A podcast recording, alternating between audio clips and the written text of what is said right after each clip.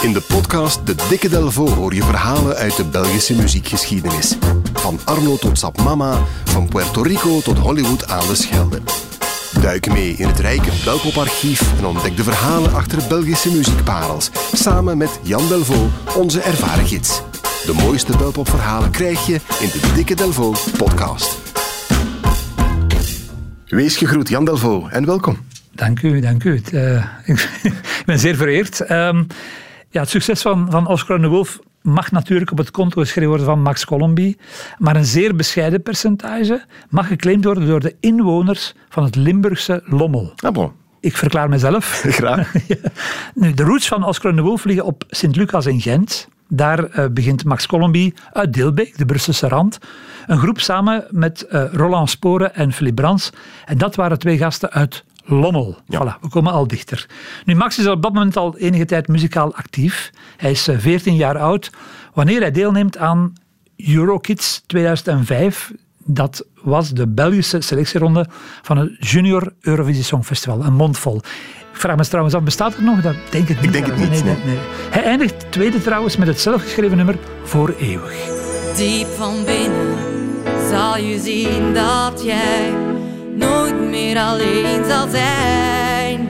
Want ik ben het liefst heel dicht bij jou. Niets dat ons nog tegenhoudt. Ik vergeet je niet, ja vertrouw me nu. In mijn hart blijf je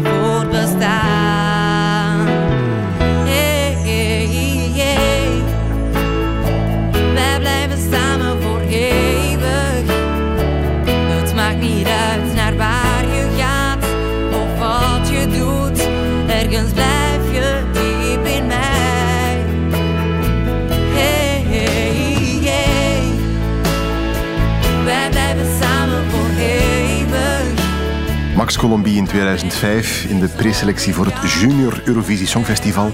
Toen gewoon als Max met Ja. Voor Eeuwig. Weet je nog wie de winnares was? God nee. Ah, Lindsay.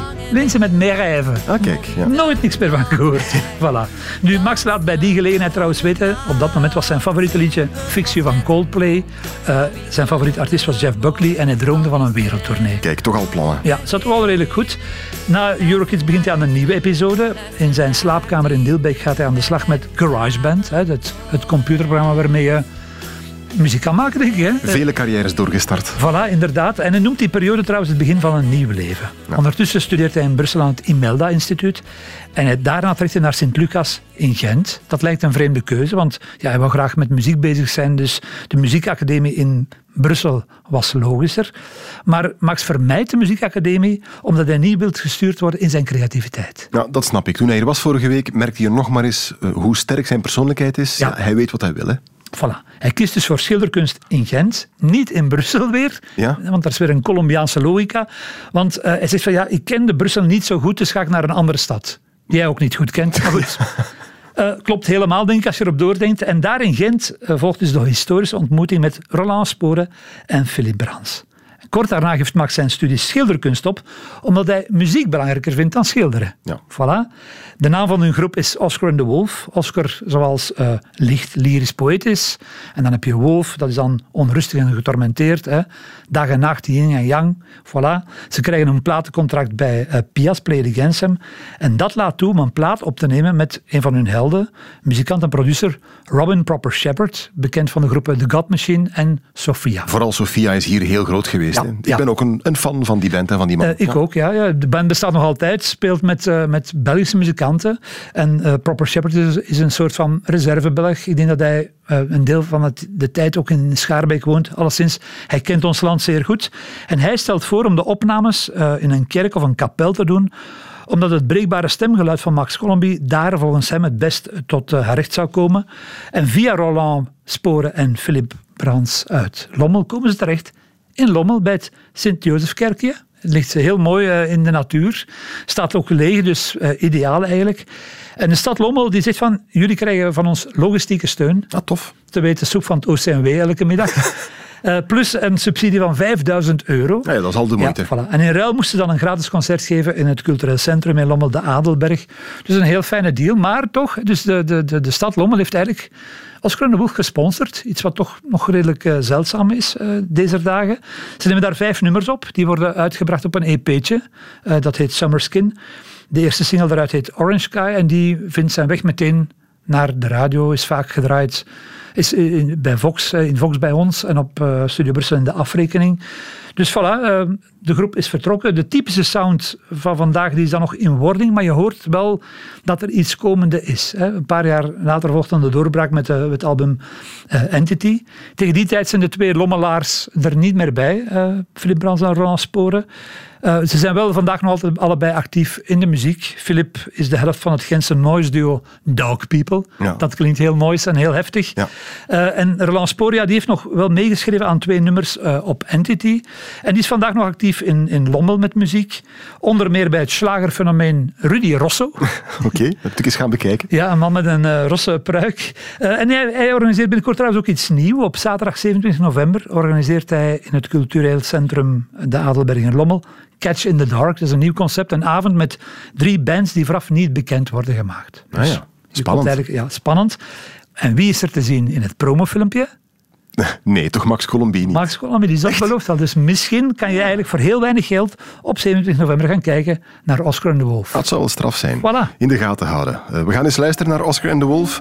Uit dat eerste EP'tje, uh, Orange Sky, zoals je zei, dat hebben we destijds veel gedraaid. Dat gaan we nog eens doen. Uiteraard. Jan Delvaux, bedankt. Tot snel. Hè. Zeer graag gedaan.